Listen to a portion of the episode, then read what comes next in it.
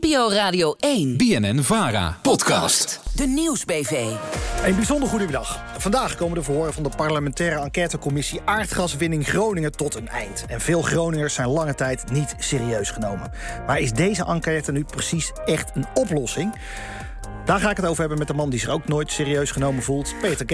En Peter, wie heb je meegenomen? Ik heb uh, Henri Kruithof meegenomen. Uh, al meer dan twintig jaar woonachtig in Groningen. En echt een Noorderling geworden. En tijdens de grote aardbeving in 2012 in Huizingen... en de grote gasboringen daarna... was hij de rechterhand van Rutte als spindokter van de VVD. En gisteren hoorden we dat Rutte zich pas in 2018 realiseerde... hoe erg de situatie was. Ja, meneer Kruithof, u als Groninger... heeft u eigenlijk meneer Rutte nooit bij de les gehouden? Nou, uh, uh, niet voldoende kennelijk. Want als hij zegt dat hij zich pas in 2018 echt realiseerde... wat uh, in het noorden aan de hand, in Groningen aan de hand was... ja, dan heb ik hem kennelijk niet voldoende bij de les gehad. Ja, wat heb je dat zitten doen? ja, ja, dat zeker. Want vanaf ja, 2015 was je ook nog nationaal coördinator Groningen. Nam Rutte toen de telefoon niet meer op of zo? Nou ja, toen ik weggegaan ben uit Den Haag... heb ik natuurlijk veel minder contact gehad met, uh, met, met Mark Rutte. Uh, ik, ik, dronk wel eens koffie met hem, maar dat was het dan ook. Um, dus daarna heb ik veel minder contact met hem gehad. Maar het is, het is waar, hij, kijk, hij zegt... intellectueel wist ik wel dat, het, dat, er, dat er iets aan de hand was in Groningen... maar het kwam emotioneel pas in 2018 bij me binnen. Ja, dat is rijkelijk laat. Nou, we gaan het zo verder over praten. Maar laten we eerst even naar die verhoren gaan, Peter K. want wat viel ja, eigenlijk die afgelopen zeven weken dat die verhoren duurden allemaal op? Nou ja, wat we heel veel terug hoorden was dat er weinig oog was voor de Groningers. Of er niet, dat er niet menselijk genoeg naar gekeken werd. En het duurde heel lang voordat het kwartje eigenlijk viel. Weet je wel, goh, misschien moeten we ook een keer gaan praten en luisteren met die Groningers.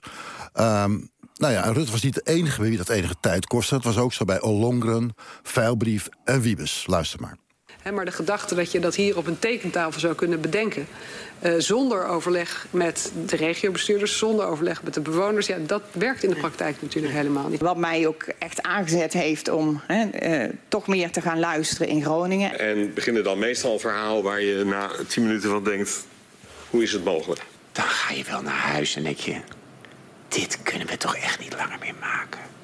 Ga nou toch fietsen, weet je. Potverdikke me. Offer je leven op voor je dochter, omdat je huis nog niet veilig is. Oh, die snik van Wiebes. Ho, ho, ho, Bij de verhoren over die toeslagenaffaire was het ook al zo'n snotterbende bij hem. Is, is Wiebes zo'n emotionele man? Nou ja, in Den Haag kennen we hem vooral als een technocraat, weet je wel. Die uh, altijd tot haar fijn, tot in de details uit, uit te zoeken hoe het zit. Dus het was ons nooit opgevallen, maar blijkbaar heeft de man toch een heel groot hart. Een groot hart of heel goed uh, thuis geoefend? Ja, ik weet het niet. Dat mag jij beoordelen. Nou, in ieder geval wat mij ook nog opviel... Uh, was dat de NAM en Shell echt een grote rol speelden. Ze zaten ook altijd aan tafel bij de grote interne overleggen. En gisteren werd Ben van Beuren, de bestuursvoorzitter van Shell, ondervraagd. Wat kwam daaruit? Nou ja, het kwam, werd eigenlijk wel duidelijk dat hij wilde doorboren... totdat het niet meer rendabel was. Daar kwam het een beetje op neer. Uh, en het torentje van Rutte bleek altijd voor hem open te staan. En dat kreeg wel een beetje de schijn van vriendjespolitiek daardoor. Ja, ik eh, beschouw uh, de minister-president als, een, uh, als een vriend, ja. persoonlijk ook. en het, dus we zien elkaar ook wel eens van tijd tot tijd persoonlijk. Is het nou vrienden of vriendjespolitiek?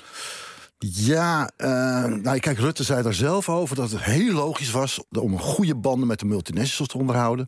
Maar hij omschreef het zelf niet als vriendschap. Maar, maar deed dit dan voor de BV Nederland vooral? Of ging het toch ook ergens nog wel over de veiligheid van Groningen? Nou, kijk, iedereen probeerde een beetje te ontkennen dat het om geld ging. Daar was iedereen heel erg druk mee bij de, die verhoren, gisteren ook weer. Maar uh, het meest opmerkelijke was eigenlijk wel Jeroen Dijsselbloem, toenmalige minister van Financiën. Die heeft ook altijd gezegd dat geld geen grote rol speelde. Maar in het verhoor zei hij.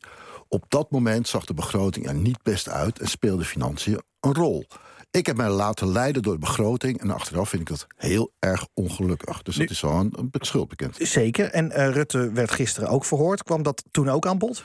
Nou ja, kijk, naast dat hij weer eens wat documenten kwijt was... en uh, enige herinneringen was uh, kwijtgeraakt... vielen er nog wel een paar dingen op. het eerste is het wegcijferen van zijn eigen rol natuurlijk. Dat zien we hem vaker doen. Dan zegt hij snel, ik was niet verantwoordelijk, maar je moet bij de vakminister zijn. En daarnaast had Rutte ook moeite met het onderwerp geld versus veiligheid. Dat dilemma tussen leveringszekerheid, uh, veiligheid en financiën... waarbij naar mijn overtuiging de eerste twee steeds de doorslag geven... maar die financiën ook wel als een soort stressfactor op de achtergrond staan steeds. Nogmaals, iedere keer zie je het dilemma in de discussie... tussen leveringszekerheid, veiligheid... maar er wordt ook natuurlijk de paniek over geld. In het achterhoofd speelde dat altijd mee. Niet doorslaggevend, maar het was een factor. In de discussie steeds, en dat is ook logisch... Eh, voorop staat veiligheid, leveringszekerheid... maar het blijft ook natuurlijk gewoon een politieke weging. Keus maken en schaars. Dus je kunt niet zeggen dat geld speelt helemaal geen rol. Dat speelt natuurlijk altijd ergens ook nog een, een rol, maar niet doorslaggevend. Dus uh, geld speelt een rol, maar veiligheid, dat was het belangrijkste. Werd dat nou geloofd in Groningen? Nou, ik zag gisteren twee mannen in het nieuwsuur voorbij komen. Twee heren uit Groningen. Sijbrand Nijhoff en Herman de Muink. Eerder verhoord ook door deze commissie. En zij geloven helemaal niks van wat Rutte allemaal vertelde... en maakten dat ook kraakhelder duidelijk. Je liegt. Nog een keer. Veiligheid staat bovenaan. Je liegt voor de tweede keer, Mark Rutte. Veiligheid staat bovenaan. Hij heeft voor de derde keer gelogen. Nou, de haan kraaide net niet. Maar het is zo kwalijk. Dit is zo voorgeprogrammeerd. We gaan zeggen, veiligheid staat bij ons bovenaan. Nee, het gaat gewoon grofweg om geld. Ja, meneer Kruithof, uw Groningse provinciegenoten die zeggen gewoon... hij liegt, hij liegt zelfs drie keer. Uh, maar Rutte staat toch bij zo'n parlementaire enquête onder Ede? Ja, dus je moet kunnen aantonen dat hij liegt als, eh, als dat uh, werkelijk zo is. Kijk, ik, ik denk dat, dat de Groningers wel gelijk hebben... dat veiligheid uh, niet het allerbelangrijkste punt geweest is. jaren en jaren lang. Maar waarom zegt Rutte dat dan toch?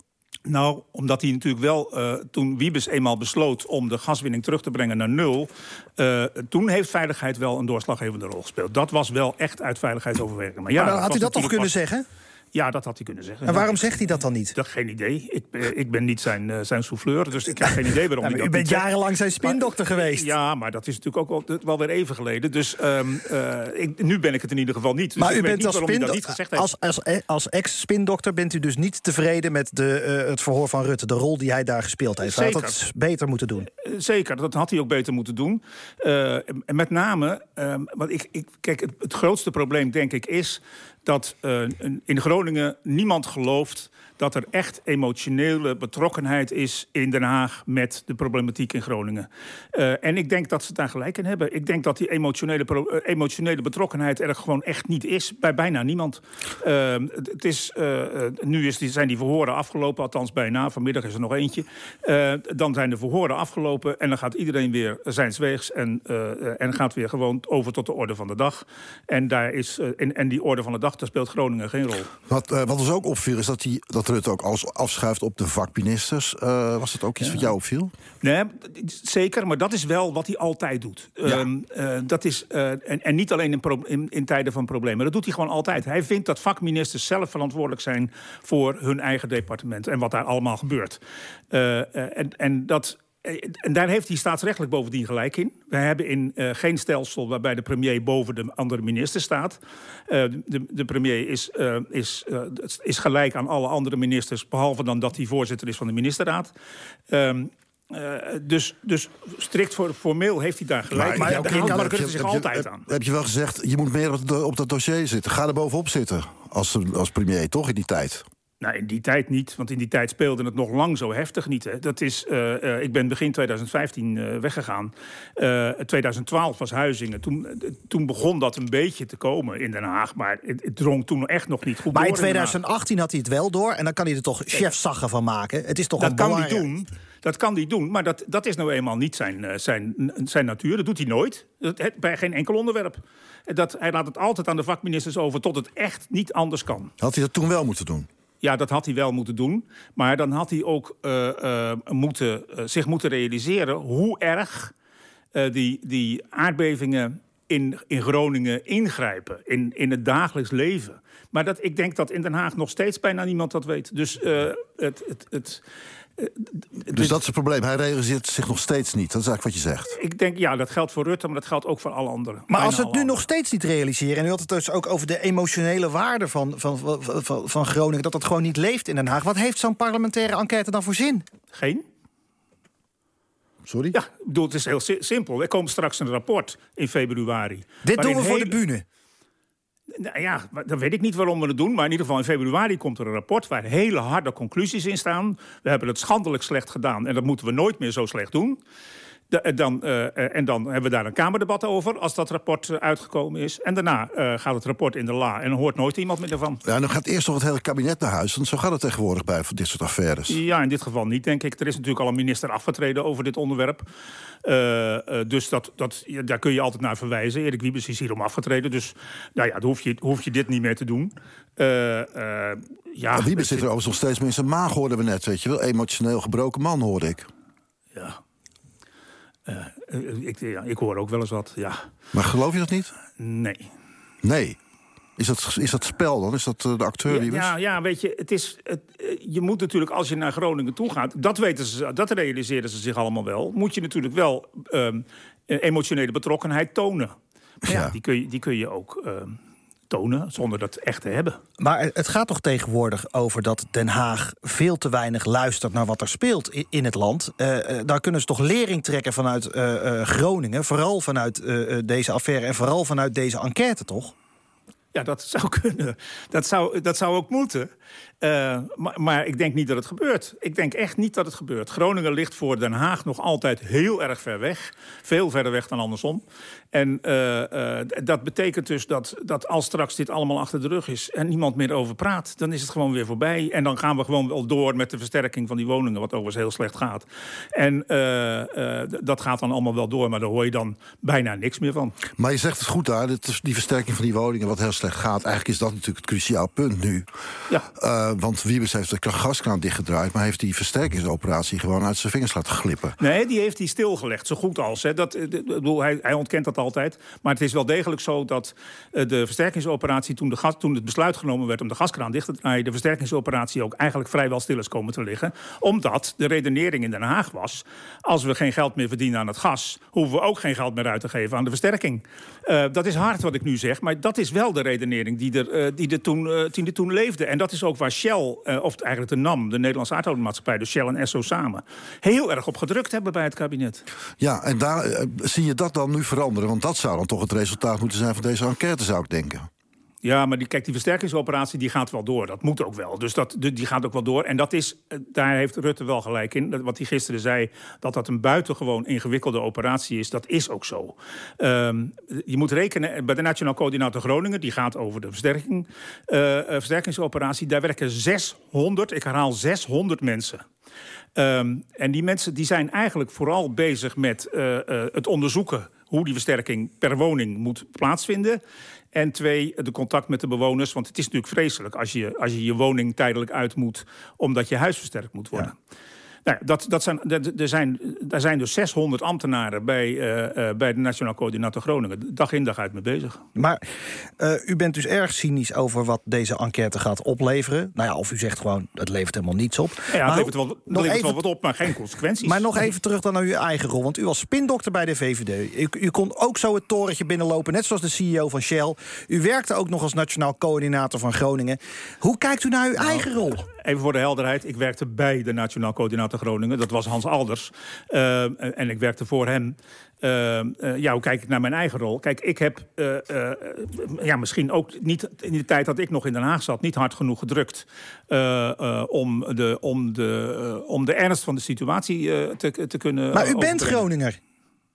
Ja, ja, ja, ja, het is waar. Ja, maar als het bij u al niet leeft, bedoel, hoe, hoe gaan ja, we dan leefde, Den Haag veranderen? Zeker wel, het leefde bij mij wel. Ik heb alleen kennelijk niet uh, uh, het goed kunnen overbrengen naar degene die maar, erover gaan. Maar je bent een man die enorm veel lawaai kan maken. Die, uh, die, ik heb je Dank woedend je. gezien af en toe Dank in de wandelgangen.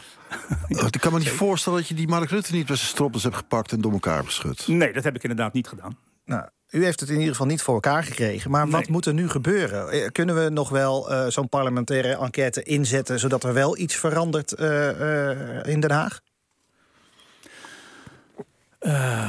Nou ja, ja in dit, bij dit onderwerp niet. Een parlementaire enquête gaat in dit geval echt alleen maar opleveren dat we. We hebben teruggekeken, we hebben gezien wat we fout gedaan hebben. en dan klaar. Is dat niet een beetje altijd zo eigenlijk? Heeft, heeft, hebben Ja, ik parlementaire ken, ik ken geen zin, als ik het zo... Ik ken niet veel parlementaire enquêtes die echt toe- de, de consequenties hebben gehad voor de toekomst. Misschien de enquête naar de, hoe heet die ook weer, Maarten van Tra en de inzet van die politieacties, de IRT-affaire. Ehm, eh, eh, misschien dat die, die heeft wel consequenties gehad in de, in de, de, de operationele, eh, eh, heeft operationele gevolgen gehad voor de politie. Maar eh, ik, ik denk eigenlijk dat er niet veel eh, enquêtes zijn geweest die echt, echt heel erg ingrijpende gevolgen Want we hebben krijgen gehad. er nog twee dit jaar. En dat is altijd veel eh, kosten en moeite is, gaat ermee gepaard. Is het, Ja. ja, moeten we dat wel willen dan? Ja, nee, ja, we- weet je, eh, dat is aan het parlement om dat te willen. En die willen dat, dus het gebeurt. Eh, maar eerlijk gezegd ben ik inderdaad buitengewoon cynisch over eh, wat de consequenties eh, van, die, van die enquête zullen zijn. Ja, Nou, en dat is vooral een, een, een troosteloze boodschap voor de mensen in Groningen. ja zeker. Ja, we zijn er stil van. Ja. Goed. Eh, ik bedank u in ieder geval voor uw, eh, eh, ja, uw kijk en uw heldere mening. Henry Kruithof, de oud-spindokter van de VVD. En natuurlijk bedank ik ook Peter K. Graag gedaan.